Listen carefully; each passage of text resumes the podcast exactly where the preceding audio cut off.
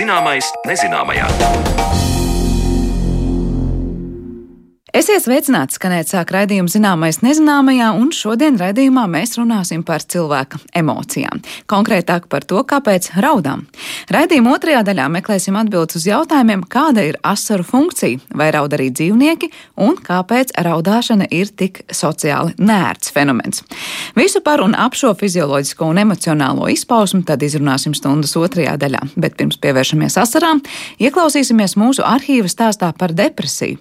Ko jaunāk Jaunākie pētījumi stāsta par depresijas rašanos un ārstēšanu un kāpēc katram depresijas izpausmes ir atšķirīgas, par to vairāk interesējās Zane Lāce Baltalksne. Intereses zudums, nomākts garstāvoklis, raudulība, nogurums, apātija, nespēja koncentrēties un vēl daudzi citi simptomi, kuru ārstēšanai nelīdz pastaigas svaigā gaisā, koncerta apmeklējums, dārza darbi, jaunu tapešu uzlīmēšana vai cita frizūra.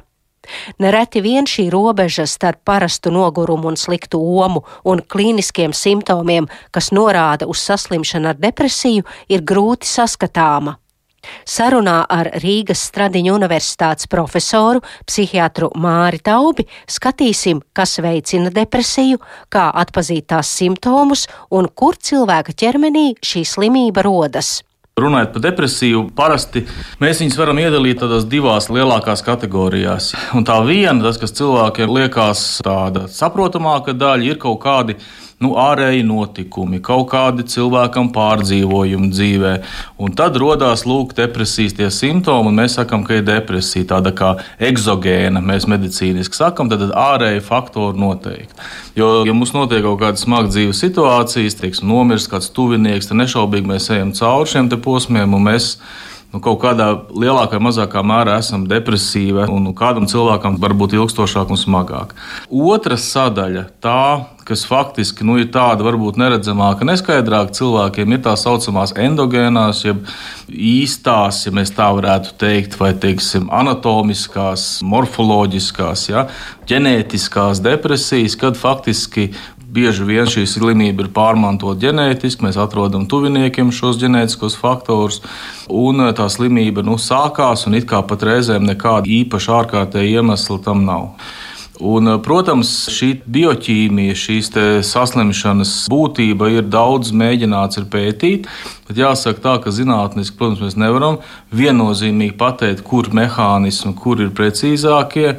Tā pamatteorija ir tā, ka ir šīs ķīmiskās vielas, neiromediātori.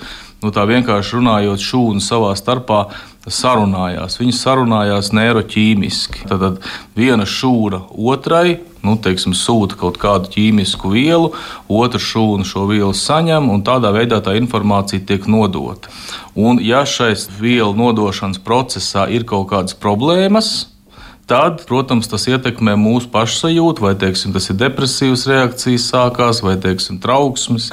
Tā problēma ir tāda, ka šo vielu ir daudz un dažādu. Arī šo receptoru ir dažādi, kurus atklāja jauns un jauns. Nu, biežāk mēs runājam par serotonīnu, ko cilvēki vairāk ir dzirdējuši. Laimes hormonu. Laimes hormonu. Ja mēs runājam par norepinefrīnu, par GABA aminoviestkābi, tāpat tās arī muskarīns. Ja, tad ir daudz dažādas vielas, kuras ietekmē šo procesu.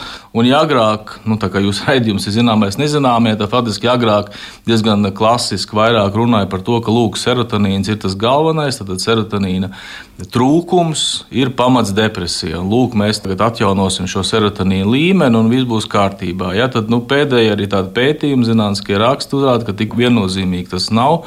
Mēs nevaram teikt, ka tikai šis serotonīns darbojās, nu, ka viņa trūkums ir šis iemesls. Tā kā, nu, ja agrāk vienmēr mēs pacientiem stāstījām, ka lūk, šis serotonīna trūkums ir tas galvenais, tad šodien mēs tā nevaram teikt. Sava loma tam ir, bet ir ļoti daudz, nu, iespējams, vēl nezinām mehānismu, šeit dažādu neiroķīmisko vielu miedarbību darbību. Runājot par depresijas simptomiem, kur ir tā robeža, kad ai, man ir daudz darba un man ir vienkārši slinkums, vai cilvēkam zūd interesi par dzīvi, un kurā brīdī tie ir klīniski depresijas simptomi? Protams, ļoti daudz ir neizpratnes un nezināšanas par depresiju. Un, diemžēl ir pacienti, kur paši slimo smagi, kuriem ir grūti, viņu tuvinieki negrib to pieņemt, negrib to izprast. Arī bieži vien mediķi to uzskata, pat mūsu kolēģi uzskata par tādu kaut kādu nenopietnu. Tagad tā situācija varbūt mainās, jā, bet ļoti lēnām. Jā, tad cilvēki netic tam. Jāsaka tā, ka depresija var būt viegla, vidēji smaga, smaga depresija. Depresijas to klīniku nosaka šie simptomu kopumi. Piemēram, ir pacients, kuram ir depresija, kurš nē, kurš teiksim, nokrītās svarā par 10 kg mēnešu laikā, piemēram, kurš vispār negrib iet no mājām ārā, kurš ēda augstus īsiņus, tāpēc ka viņam nav spēka viņus uzsildīt, kurš neapģērbjās no rīta, jo viņš nevar izkāpt ārā no gultas. Viņu var vest, nezinu, ekskursijās, var tuvinieki mēģināt viņu vest ārā no mājas, viņam nekas neinteresē, nekas nesagādā prieku. Ja viņam ir grūti gan fiziski kustēties, gan domāt, domas iet lēni. Tie ir tie smagie gadījumi. Ja, ja šāds cilvēks ir redzēts, ja, tad, protams, nu, šīs tāda tā nievājoša attieksme par to, ka nu, kad tā nav depresija un saņemsimies visi, ja, nu, tad viņi ir lieka.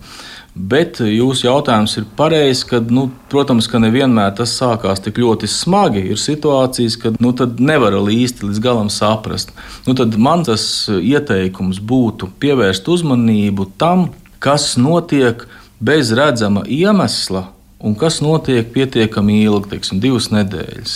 Ja mums ir kaut kāds negadījums, mums, teiksim, tur nezinu, ir kaut kāds nepatikšanas darbā, kaut kāds konflikts, parasti tas tomēr ir tas iemesls, zināms, kāpēc es teiksim, jūtos slikti šodien. Un parasti jau tas nākamajā dienā ir pa daļai aizmirsies un jau, jau ieiet savā ritmā.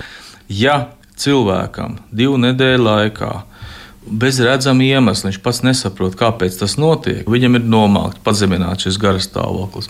Viņam ir grūti koncentrēties, ko viņš, piemēram, redz darbā. Ja viņam ir kaut kāds darbiņš jāizdara, pieņemsim, tur viņš to izdarīs 15 minūtēs parasti, tad tagad viņš tur sēž, nevar to saprast un dara to 2-3 stundas.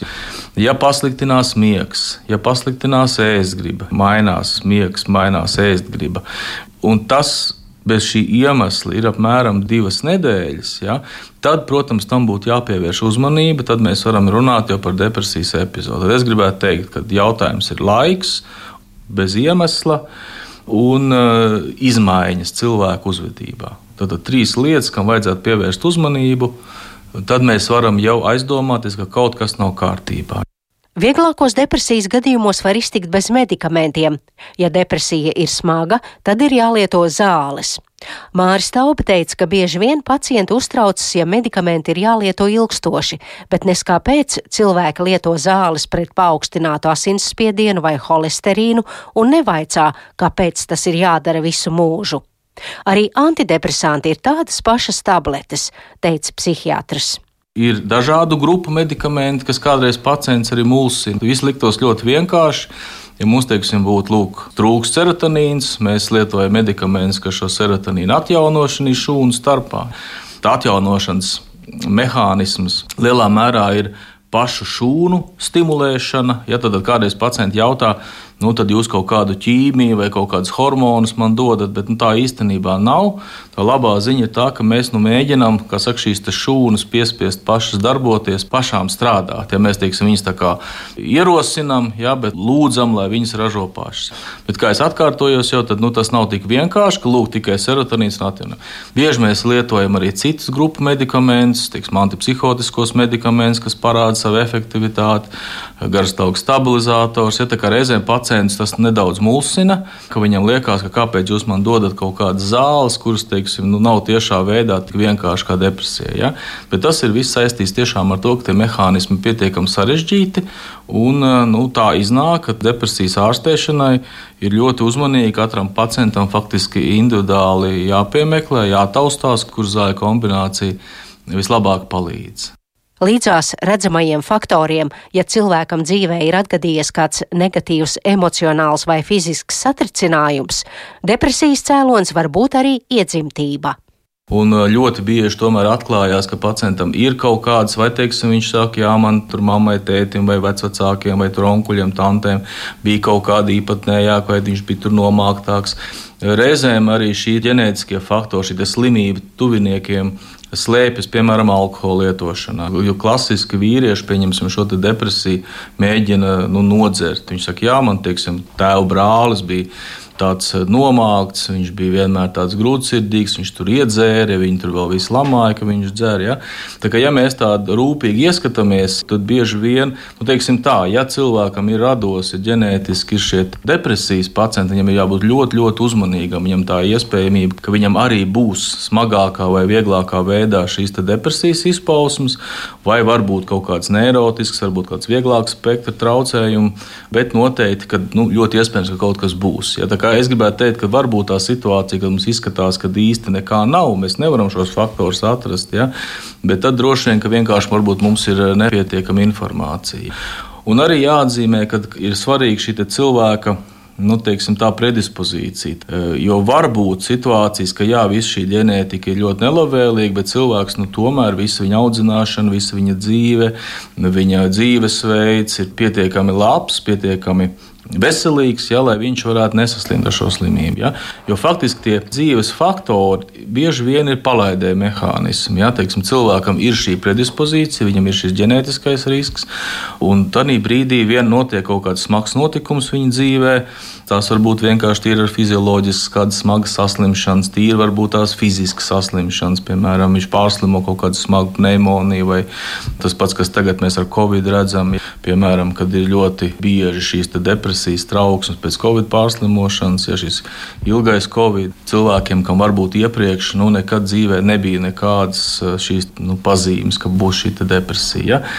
Tā kā tas var būt, bet nu, biežāk tas faktors būs palaidējis. Būs tāds kā triggers, ja, kurš palaidīs to, kas tur iekšā būs sēdējis. Vai depresija var būt hroniska, vai viņa var ilgi vilkties tādā nu, latentā, apslēptā formā, var runāt pakūtu un hronisku depresiju? Katrā ziņā klasiski vienmēr tika uzskatīts, ja, ka depresija tā ir tāda mm, saslimšana, kur pieņemsim, viņa tomēr notiek epizodiski, ja teiksim, ir šīs te depresijas epizodes, ir, ir teiksim, depresijas pārsinājumi, kad cilvēks tiešām ir izteikti nomākts un pazemināts garas stāvoklis, viņš ir lēnīgs, ja viņš nevar padomāt, nevar koncentrēties. Ja. Tad diezgan skaidra šī klīniskā aina.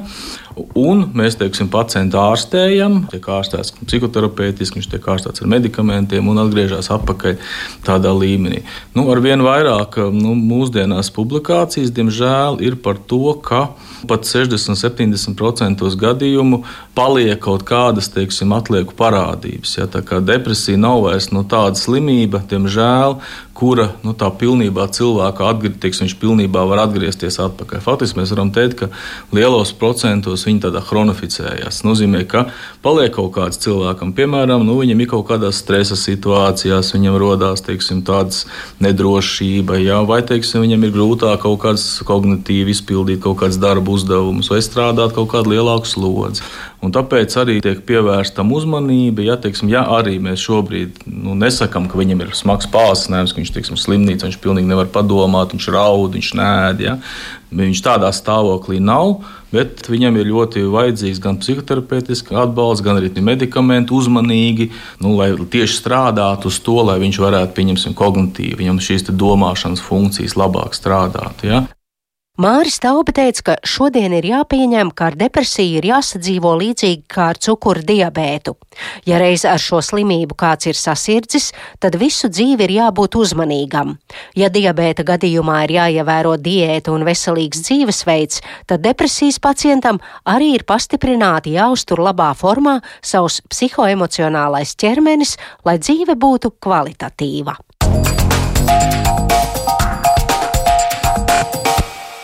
Paldies Zanēlācei Baltāksnē par sagatavoto stāstu dzirdējām. Viņas saruna ar psihiatru un Rīgas Stradiņu universitātes profesoru Māri Taubi. Bet tālāk pievēršamies asaru emocionālajai un fizioloģiskajai nozīmei.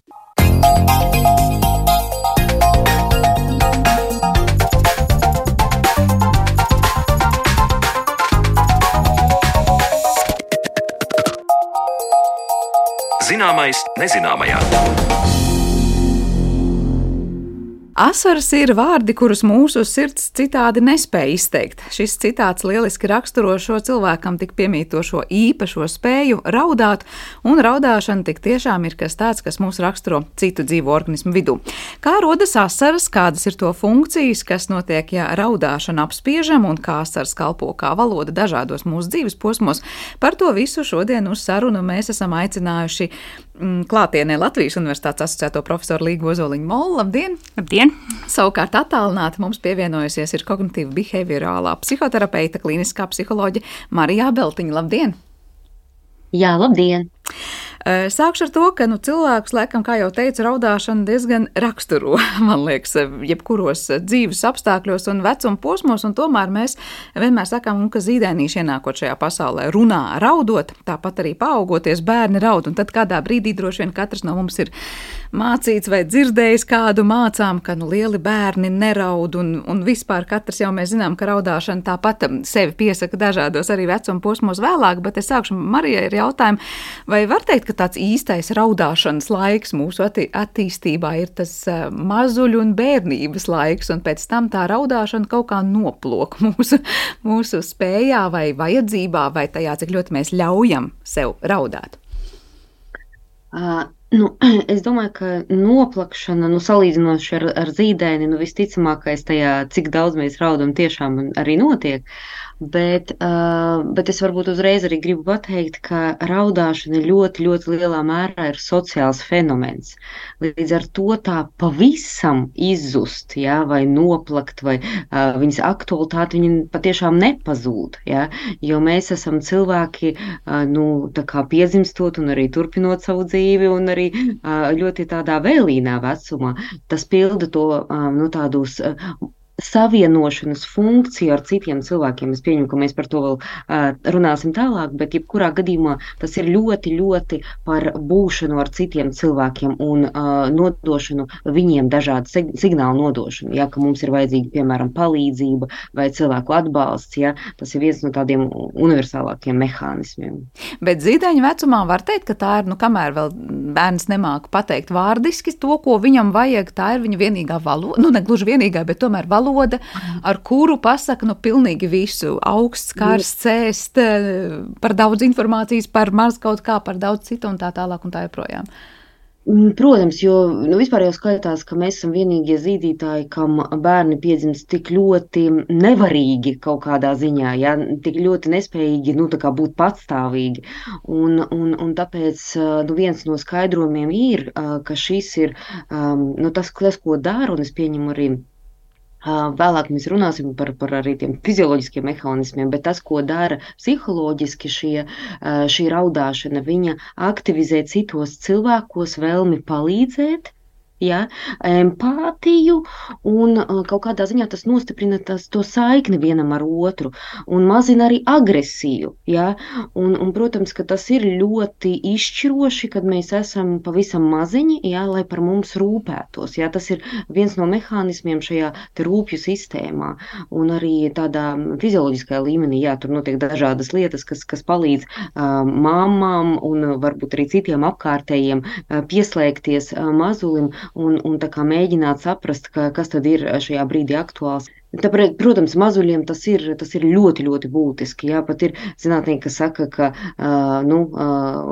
mēs pēc būtības vēl uh, piedzimstot deviņus mēnešus esam ār, ārkārtīgi nevarīgi un sadzenam citus zīdītājus jā, pa šo laiku. Tikai viņi piedzimst jau tādi, kādi um, cilvēki mazuļi ir deviņos mēnešos. Jā, diezgan, diezgan varīgi, tā es gribētu teikt. Jā, bet līgai jautājums par to fizioloģisko pusi, laikam arī gan no, no dažādām pusēm mēs varam runāt runāt par to, kas notiek brīdī, kad mēs raudām, un droši vien kas notiek tad, kad raud zīdainis, un tad, kad raud pieaugušais cilvēks. Bet paturpinot to ideju, ko tikko Marija jau teica, nu, ka tā ir tā raudāšana, lai pievērstu uzmanību un citus tiešām nu, nepalaistu garām. Laikam nevienam nav noslēpums, ka tad, kad raud zīdainis, tad viņš pat tīri fizioloģiski raud tā, ka nu, tā skaņa būs tāda, lai pamostās gan mamma, gan arī nu, nevar ilgi izturēt un pateikt, es nejutīšu šo raudāšanu vai zīdaiņa raudāšana no fizioloģijas puses ir kaut kas ļoti, ļoti atšķirīgs. Un tad jau runāsim par to, kā raud pieaugušie.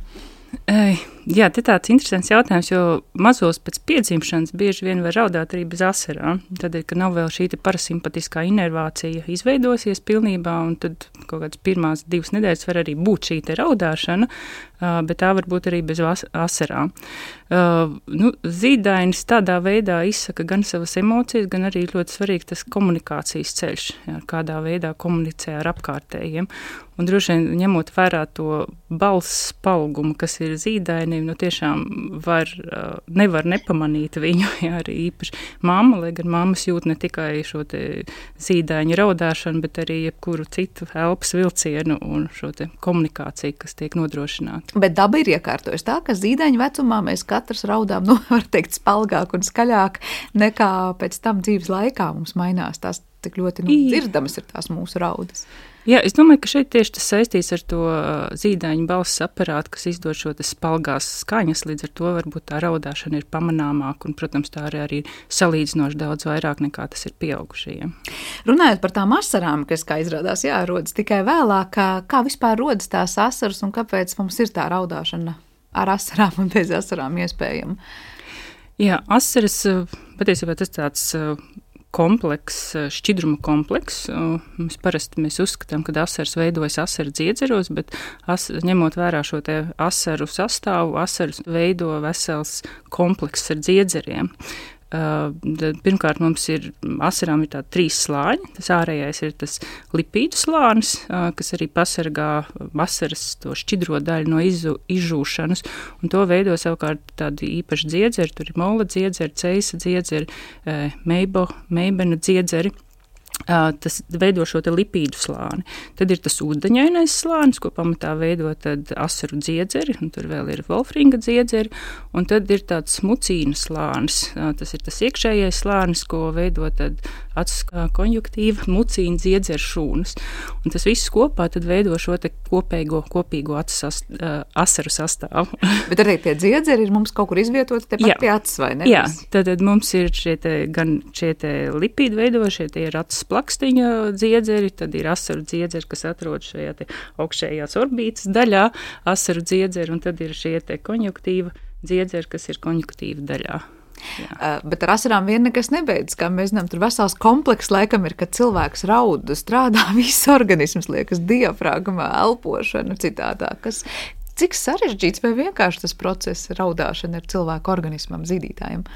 Uh, tad, cilvēkam, jā, kā jau pieminēja arī Marija, kad nu, mēs tiekam praktiski uzskatīti vienīgā, cilvēks tiek uzskatīts, tā dominējošā dogma ir tāda, ka cilvēks ir vienīgais zīdītājs, zīdītāja dzīvnieks. Zīdītājs, dzīvnieks nevarētu teikt, uh, kurš raud, kurš raud ar uh, emociju dēļ, raud ar asarām. Protams, arī dzīvniekam var būt asaras, uh, asaras kā tā uh, radzenes mitrināšanas, asaru uh, acs uh, mitrināšanas funkcijas dēļ, bet šī te, uh, sāpju vai emocio, emocija ietekmē tas laikam piemīt tikai cilvēkam. Jā. Atkarībā no tā, kā raud un kāpēc raud, vai tas ir uh, nu, šis emocionālais pārdzīvojums, vai tas ir nezinu, sāpju, kas arī saistīts ar emocionālo pārdzīvojumu. Var būt iesaistīta gan tiešām diafragma, gan elpošanas muskuļi, gan arī, protams, rīklas muskuļi, ja, un tad veidojās tas kamols kaklā, kad nevar norīt, tāpēc, ka rīklas muskuļi ir saspringti. Un, nu, tad, tas ir vesels komplekss, kas iesaistās mūsu raudāšanas izpausmēs. tad Marijai atkal jautājums par to emocionālo raudāšanu, jo dažkārt saka, it īpaši pieauguši cilvēki tajā brīdī, tad, kad nu, ir tik slikti, ka pat paraudāt nevar. Kā, kāds ir skaidrojums tam, kāpēc dažkārt cilvēks var būt gan nomākts, gan viņam var sāpēt, gan viņš var būt ļoti pat, pat depresīvs, varbūt vai lielās sērās un nespēja paraudāt? Nu, jā, bieži vien asaras vispār tiek asociētas ar to, ka viņas sagādā nu, tādu atvieglojumu. Ja? Bet es gribu uzreiz teikt, ka nu, tā gluži nav. Viņas var būt tiešām ļoti dažādas. Ir situācijas, kad asaru neesamība sagādā atvieglojumu, un tieši otrādāk asaras pašas pa sevi var sagādāt vēl lielāku, piemēram, garastāvokļa kritienu. Un jūs jau pareizi pieminējāt šo te vārdu, piemēram, depresija. Ja? pie noteikti tiem tādām mentālās veselības traucējumiem, pie depresivitātes vai pie, arī pie lielas trauksmainības, ja, kas jau sasniedz tādu klīnisko līmeni. Nereti raudāšana var būt pat vairāk kaut kādos gadījumos, un viņa nesniedz to atvieglojumu. Vai arī tas, ko saka, ka cilvēki raud uz iekšu, nu, ka viņi neraud ar asarām, ja, bet iekšēji notiek ļoti daudz procesi, kurus ir ļoti grūti kā, izpaust. Jā, tas arī var um, nu, kaut kādos mirkļos nozīmēt priekš mums tādus smagākus pārdzīvojumus un arī nespēju saņemt to palīdzību no citiem cilvēkiem, ko šī raudāšana bieži vien dod, un, un, nu, kā, un ko citi cilvēki var arī nolasīt, tā skaitā tuvinieki. Tāpēc uh, es teiktu tā, ka um, raudāšana var būt ļoti dažāda, un uh, mēs varam raudāt gan um, no dusmām, ja, un kā tāds protests, mēs varam raudāt dēļ visām šīm beidīgām uh, emocijām, ja, un, un, un skumjām un tā tālāk. Un ir tas, kad mēs esam tik ļoti bezspēcīgi vai tik ļoti izsmelti, ka, ka mēs vairs nevaram tā fiziski paraudāt, un, un tas ir tas, ko arī dažkārt uh, nedziedināmi slimi cilvēki saka, ka ir kaut kāds mirklis, kad es vairs nu, nespēju, nespēju raudāt. Ja.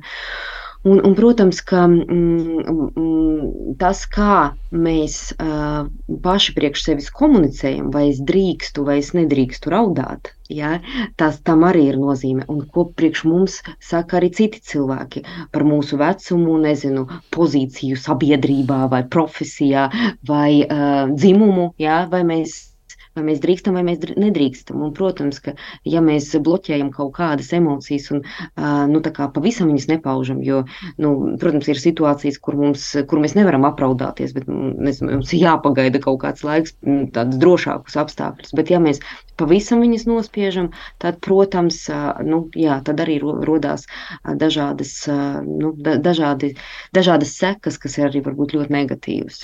Bet te mēs nonākam pie tā jautājuma par to apspiesto raudāšanu, proti, ka tā ir vienkārši tās redzamās puses neparādīšana, bet iekšēji jau laikam cilvēks nevar apspiest sevī pavisam to emociju un teikt, nu tagad viņu tas neskar.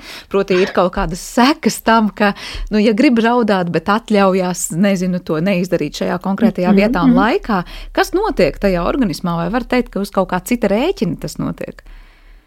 Nu, um, emocija apspiešana, protams, ka mēs, kā pieauguši cilvēki, mēs iemācāmies viņas vadīt un, un, un, un tiešām uz kaut kādu laiku, piemēram, apspiest. Tur nekas dramatiski slikts nu, nav. Jo, ja mēs, protams, saprotam, ka uh, ir brīži, kad mēs nevaram atļauties vai nu profesiju, nezinu, mums neļauj, ja, ja mēs esam ārsts un taisam operāciju, ja mēs tūlīt raudāsim, tad eh, visticamākais būs eh, daudz sliktu seku, ja, un, un tā tālāk. Bet, ja mēs apspiežam, piemēram, dēļ kaut kādiem pieņēmumiem kultūrā, ja, un, un ir pētījumi, kad tur, kur ir individualistiskākas kultūras, ja, rietumu, vai mēs, kā mēs saucam tādas turīgākas, attīstītākas kultūras, tur cilvēki atļaujās vairāk raudāt, jo individuālās izpausmes viņas vispār ir vairāk atļautas. Ja, Ja?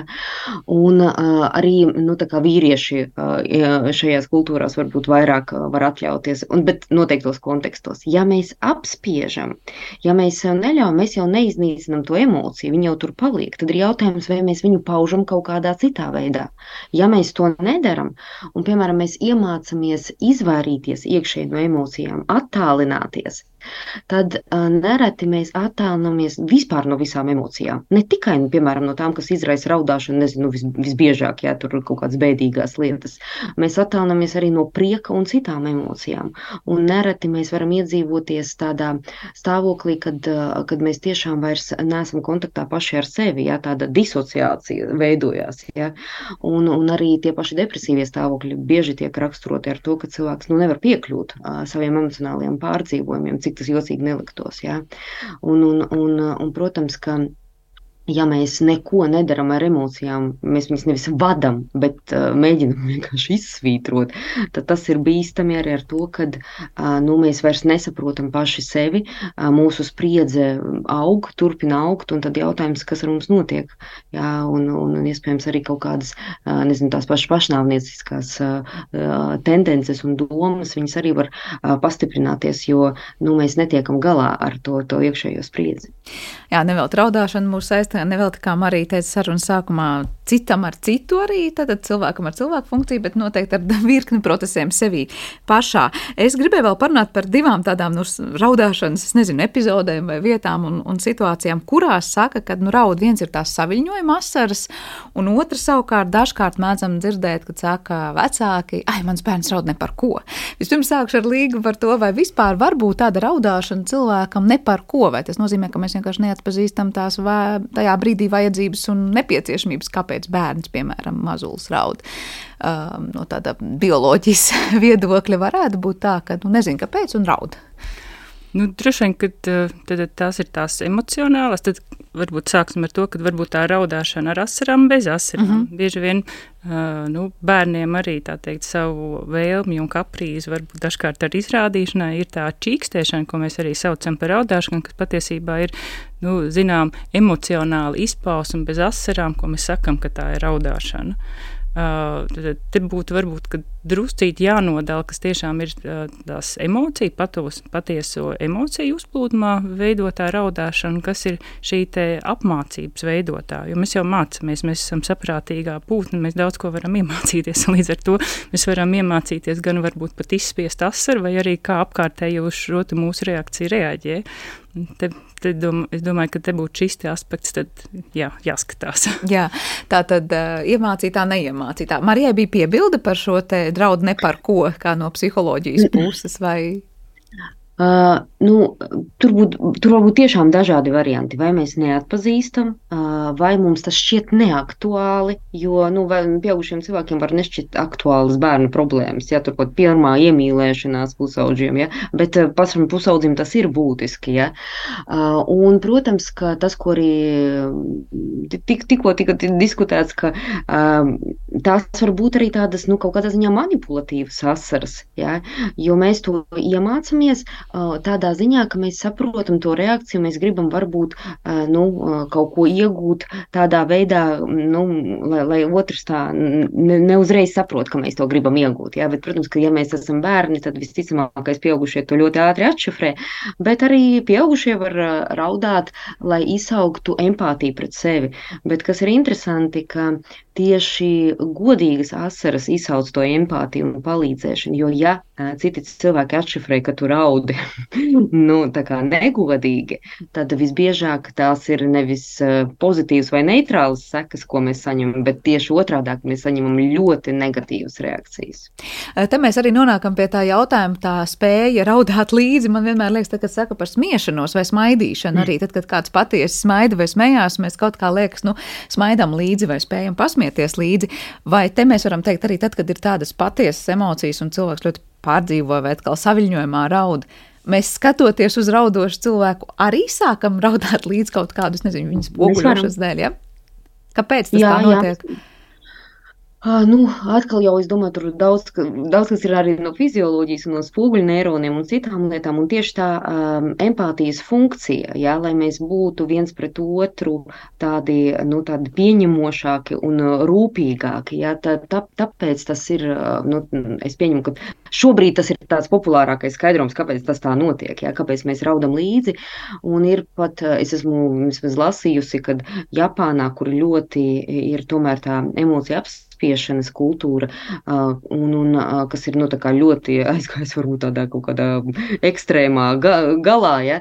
Tur šobrīd tieši tiek veidoti tādi klubi, kur cilvēki var nākt un raudāt kopā jā, raudāt kopā un, un dabūt to sajūtu, ka tevi pieņem un uh, nu, to, to atvieglojumu. Jo vienmēr uh, tas, par ko psihologi nereti uh, arī tādos zinātniskajos darbos strīdās, vai asaras pašas pa sevi dod atvieglojumu, un tas, ko jau pieminēja kolēģi par parasimpatisko nervu sistēmu, jā, tā kā to re, relaksējošo, nomierinošo, vai tomēr tā ir kombinācija ar to, ka blakus ir cilvēks, kāds, kas uz mani reaģē tādā veidā, kā man vajag, jā, un kad iespējams, ka tā kombinācija ir tas uh, svarīgākais moments. Par tiem spoguļneironiem droši vien Līga ir ko teikt, vai vēl kāds cits komentārs? Lūdzu? Jā, es, es klausoties, Marija gribēju piebilst vēl, uh, laikam cilvēkam tā tas ir, un tas mūs arī atšķir no dzīvnieka, kad, uh, ja kāds raud, mums ir tā, nu, līdzdzīv, līdzdzīvošanas instinkts vai tā empātija, ka mēs uh, dzīvojam līdzi un arī raudam. Lai gan skatāmies, ja mēs skatāmies tā no tāda evolūcijas viedokļa, un tas ir tas, kas mūs atšķir arī no dzīvnieka, un kāpēc dzīvnieku pasaulē emociju dēļ tiek uzskatīts, ka nerauda ar asarām, jo tas ir nu, dzīvniekam tā praktiski asara emociju izpausme ar asarām nozīmē tā vājuma pazīme. Un vājuma pazīme, tad, ja dzīvnieks ir vājš, tad viņš ir arī pakļauts vairāk un var būt par upuri kādam citam. Bet uh, cilvēkam nu, uh, dažkārt arī var būt šīs situācijas, ja tā raudāšana padara tevi par upuri, bet tomēr um, gribās ticēt, ka mēs lielākā daļa esam šie, te, kas uh, dzīvo līdz raudāšanai. Un tā raudāšana tiešām te var runāt arī par šo spoguļu neironu šo ideju, kad mēs skatāmies, kā citi raud, tad mums arī aktivējās šie spoguļu neironi, kas aktivē mums šo līdzdzīvošanas, jeb atdarināšanas, atdarināšanas procesu. Jā. Bet, ja mēs runājam par to saviņošanas raudāšanu, tad liekas, kāpēc kādam skatoties filmu, piemēram, pietiek paskatīties uz, nu, liekas, nu, kaut ko ļoti netik traki saviņojošu, un tur jau cilvēks ir izplūdis asarās, un savukārt cits liekas, nu, tāds pilnīgi necaursitams emocionāli. Sākšu ar Mariju, pēc tam līgai jautājums arī, vai ir kas komentējums par šo, kas nosaka to, cik ļoti viegli mēs ļaujamies tām saviņojuma asarām. Nu, mēs esam dažādi. Šis likam, ir tāda, tāda īsa atbilde. Mēs esam vienkārši dažādi. Jā, mums var būt dažāds tas slieksnis, jā, kas, kas mums izsauc um, arī emocionālo nu, patiešām reakciju. Un cik lielu? Jā. Mums galu galā ir dažādi temperamenti, jā. mums ir dažādas pieredzes, mums ir dažādas arī saņemtas reakcijas no citiem. Jā. Arī tā, tā skaitā atļaujas raudāt uh, vai neraudāt. Jā. Uh, kā, kā citi to dara dara vai nedara. Un, un, protams, ka arī priekš mums nu, tādi nozīmīgi stimuli arī mainās dzīves laikā. Nezinu, tiem, kam ir mazi bērni šajā brīdī, viņi reaģēs vairāk uz visu, kas ar maziem bērniem saistīts, arī nu, kaut kādas jaukās lietas. Ja? Tie, kam nav mazi bērni, viņi teiks, nu, nē, nu, jauki, protams, bet nu, priekš kam raudāt. Tiem, kam ir dzīvnieki, tie reaģēs uz dzīvniekiem. Tiem, kam ir, nezinu, vecāka gada gājuma, šobrīd radinieki, ja, vai kaut kas ar viņiem notiek, nu, tā, tāpēc tas ir nu, tādas ļoti daudz, daudzu faktoru kopums, kāpēc kāds eh, varbūt raudās biežāk eh, un, un ātrāk, ja, apraudāsies, un kāds, eh, kāds to nedarīs. Jā, pat, tā, kā, ja tur būs arī tās iemācītās lietas, sev atļautās lietas, plus tas, kas mums šobrīd dzīvē ir aktuāli un kurā mēs psiholoģiski emocionālajā situācijā atrodamies. Līga būs, mm -hmm. Kas vēl piebilstams par saviņojošo raudāšanu no fizioloģijas puses. Jā, man šķiet, laikam arī tik uh, pamatot izklāstīja, ka tāds ir, ka mēs esam tiešām ļoti dažādi, un arī tā dotā brīža situācija nosaka to, kādā emocionālā stāvoklī mēs dotajā brīdī esam, un līdz ar to pakļaujamies tai raudāšanai vai nē. Bet savukārt, tad, kad liekas, nu kāds raud, es nezinu, tad tā kā diskusija par to, protams, mēģina iežēlināt, iznāk, nesanāk, tas, tas process veiksmīgs. Bet, jebkurā gadījumā, kad liekas, nu, ja kāds raud, tu jūties nērti varbūt tā cilvēka priekšā vai blakus, vai, vai liekas, nu kā, nu tagad ir jāpalīdz, vai te arī ieslēdzas kaut kāda evolucionāra mehānismi, kas pasaka, nu tad tas ir tas, ko Marija teica, mūs sasaist cits ar citu. Tā ir tāda atsaukšanās kādam, kurš sauc pēc palīdzības, vai kāpēc ir tā reakcija tāda, kāda tā ir? Jā, jā, ļoti precīzi. Un, un, protams, ka ja es uh, uztveru šo signālu kā svarīgu, uh, man sāk nu, rasties domas, kā to risināt. Jā, un, un tas var radīt to nērtības sajūtu. Pirmkārt, es varu nezināt, jā, otrkārt, nezinu, būt pats vai pati apjukumā. Um, nu, jā, it īpaši, ja tas ir tāds nu, kaut kāds pēkšņi, jā, kaut kāda situācija, mēs apjūkām kā jebkurā pēkšņajā situācijā, kas prasa mūsu nekavējošos tādu iesaisti un, un, un risināšanu. Un, protams, ka arī tas, kā mēs esam mācīti reaģēt arī tādā apzinātā veidā, Ja? Jo ir cilvēki, kas nu, reaģēs mierīgāk, jo viņi zina, ka hei, es ar to protu tikt galā. Jā, es zinu, kā uz to reaģēt. Un tas nav nekas bīstams. Jā, asaras nav asiņošana. Jā, tur nevajag nekādas īpašās zināšanas. Bet uh, ir cilvēki, kas varbūt uh, nu, kā, uh, nav mācīti vai nav redzējuši labus paraugus, un tad viņiem ir nu, ļoti liels apjukums. A, ko teikt? Jā, a, a, a, kā vispār pamanīt to vai nepamanīt? Tad eh, patiesībā tas ir stāsts par to, kā esam mācīti visas dzīves garumā vai no agras bērnības. Ir kāds tas īpašais posms bērnībā, kad mūs iemāca reaģēt uz savām un citu asarām, raudāšanu, ko mēs ļaujam sev, ko neļaujam, vai tas ir ļoti individuāli. Es domāju, ka nu, pirmie trīs gadi jā, mūsu dzīvē ir viss tādi nu, jūtīgākie visos jautājumos. Jā, visos jautājumos, un, protams, kā arī tālākā pieredze viņa tikai vai nu nostiprina to, kas tur ir sākotnēji izveidots, vai, vai viņi nu, kā, kaut kādā veidā varbūt apgāž kaut kādas lietas. Tāpēc es teiktu, ka nu, visu bērnību ir būtiski, kas, kas, kas tur notiek, jo mēs esam kā tādi sūklīši, jā, kas uzsilst to informāciju kopē, kopē, kopē, kopē tās reakcijas. Ja? Tā skaitā ne tikai kā uz mums reaģē, kā savā starpā, ja pieaugušie reaģē, kā reaģē uz savām asarām. Ja? Jo mēs kā pieaugušie nereti komentējam paši sevi, ja? un mazais to visu dzird. Ja? Viņš visu tā kā, ah, šitas, jā, viņa, viņa saka, ka raudāt ir ok, pati sevi lamā. Hmm, Ja, un tas ir kaut kas, protams, ka šādā veidā neanalizēju mazulis, bet nu, kaut kas līdzīgs tur notiek, un mēs eh, pēc tam izsecinām biežāk no tā, ko cilvēki dara, nekā no tā, ko viņi varbūt mums eh, mēģina pareizās lietas iestāstīt. Jā, varbūt neanalizē mazulis tādā veidā, bet informāciju nenoliedzami saņem un signālus noglabā savā atmiņā, ko pēc tam atkal realizēs dzīves laikā. Es vēl gribēju par asarām, līgai bija kas piebilstams, neļauju pateikt, ne, par asarām runājot. Dažkārt liekas, nu tad, kad mēs raudām un esam tā kārtīgi, piemēram, vakarā raudājuši, gājuši, tad no rīta liekas, nu tās acis pilnīgi ir pilnas ar visu kaut ko. Vai asaru būšana un, es nezinu, ļaušanās asarām nāk par labu, piemēram, acīm, vai tieši otrādi tas ir kaut kas kaitīgs, kad mēs patiesībā ļoti sasprindzinām kaut ko, ļoti ļaujam, es nezinu, ko izdalīt caur šiem asaru kanāliem, kādas vielas un, un, un elementus, vai kāds ir šis process no tāda? Nu jā, ja runājam par teiksim, to pašu asaru izdalīšanos, tad eh, nu, šīs emocionālās asaras, kas nāk, eh, tās pamatā ir tās ūdeņainās. Ja kā es eh, sākumā stāstīju, ir tie, tās trīs asaru daļas, tā lipīdu, tā ūdeņainā un tā nu, gļota, jeb mucīnu daļa. Un, ja mēs raudām, vai tas ir, tad, tad raudāšana var izsaukt pirmkārt reflektori, nu, reflektori kā aizsarga reakcija, ja mums pasargājot no iekļūšanas vai ķīmiskām vielām vai mehāniskām vielām, tad mums pastiprināti izdalās asaras, un līdz ar to ar pastiprinātu asaru izdalīšanos šķidrumu mēs aizvedam šo kairinātāju prom. Tā ir tā reflektorā raudāšana. Un, uh, tad, ja mēs arī uh, emocionāli raudam, tad mēs sakām, tas ir tas centrālais stimuls. Tad, tad ir perifērais stimuls, kas šo aizsargu reakciju iz, izsauc, un ir tas centrālais stimuls. Un šī centrālā stimula izsaukt arī pamatā izdalās šis, šī ūdeņainā daļa, bet tā ūdeņainā daļa nav tikai ūdeņaina, tā satur arī dažādas uh, labās vielas, ar ko tad as, asarām, tad asarām piemīt arī šī baktericīdās īpašības, ja tur satur enzīmes, kas šķeļ, piemēram, baktēriju apvalks, tur satur, um, satur arī uh, imūnās vielas, jā, imūnglobulīnus. Līdz ar to uh, izdaloties asarām, nu, pirmkārt tiek uh, mitrināts acis, kas no vienas puses ir labi.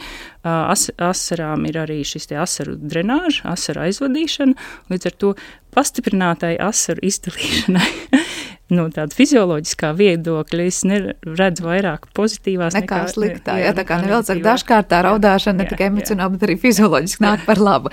Noslēdzot šo sarunu, viens un tas pats jautājums jums abām. Es sākušu ar Mariju par to, vai šobrīd psiholoģijā un šajā jomā, var teikt, par raudāšanu notiek kaut kādi intensīvi pētījumi vai lauks, kas ir tāds īpaši neizzināms, vai kurā notiek kaut kādas, nu tādas tiešām daudz jautājumu, mekl atbilžu meklēšana un, Un, ja, ja jā, tad kas tie tādi ir?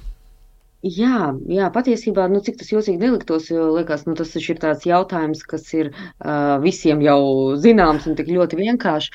Uh, ir diezgan jaudīgas debates, un arī es pirms redzījuma paskatījos, ir arī jaunākie pētījumi, kas, kas tur cīnās savā starpā, un, un tās laikam galvenie jautājumi, kas na, vēl nav atbildēti, vai patiešām uh, asaras dod atvieglojumu pašas pa sevi, jā, vai tas, vai tas ir tomēr kombinācija dažādiem faktoriem, un arī par to, vai viņas izvada sliktos toksīnus. Un ir, un ir uh, daudzi pētnieki, kas saka, nu, nē, nu, nav tā, ka viņas tur kaut ko izvada. Ja? Viņas drīzāk nu, tas, ko, ko arī pirms tam teicu, ja tur ir jau visādas jaukas lietas, kas tur vienkārši ir šajās asarās, bet ka, nu, tāds ir klejo dažādi mīti ja, par to, ka nu, gandrīz vai ir speciāli jāapsēžās un jāparaud reizi nedēļā, jo tas taču ir tik labi. Uh, bet tas, ko nu, pētnieki mēģina arī oponēt viens otram, ka nu, nu, nē, ka viss ir atkarīgs no konteksta.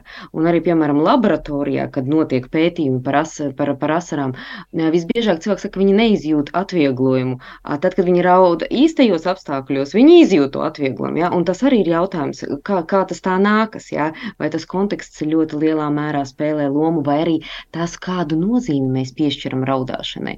Jo tad, kad mēs pildām aptaujas par pagātni, vai mēs patiešām precīzi nosakām, kas tur notika, vai mēs atzīmējam to, ko mēs gribētu, lai tur notiek. Jā? Jo mēs jau esam nu, tādas viltīgas būtnes pašas savā domāšanā varam sapīties ļoti ātri. Ja?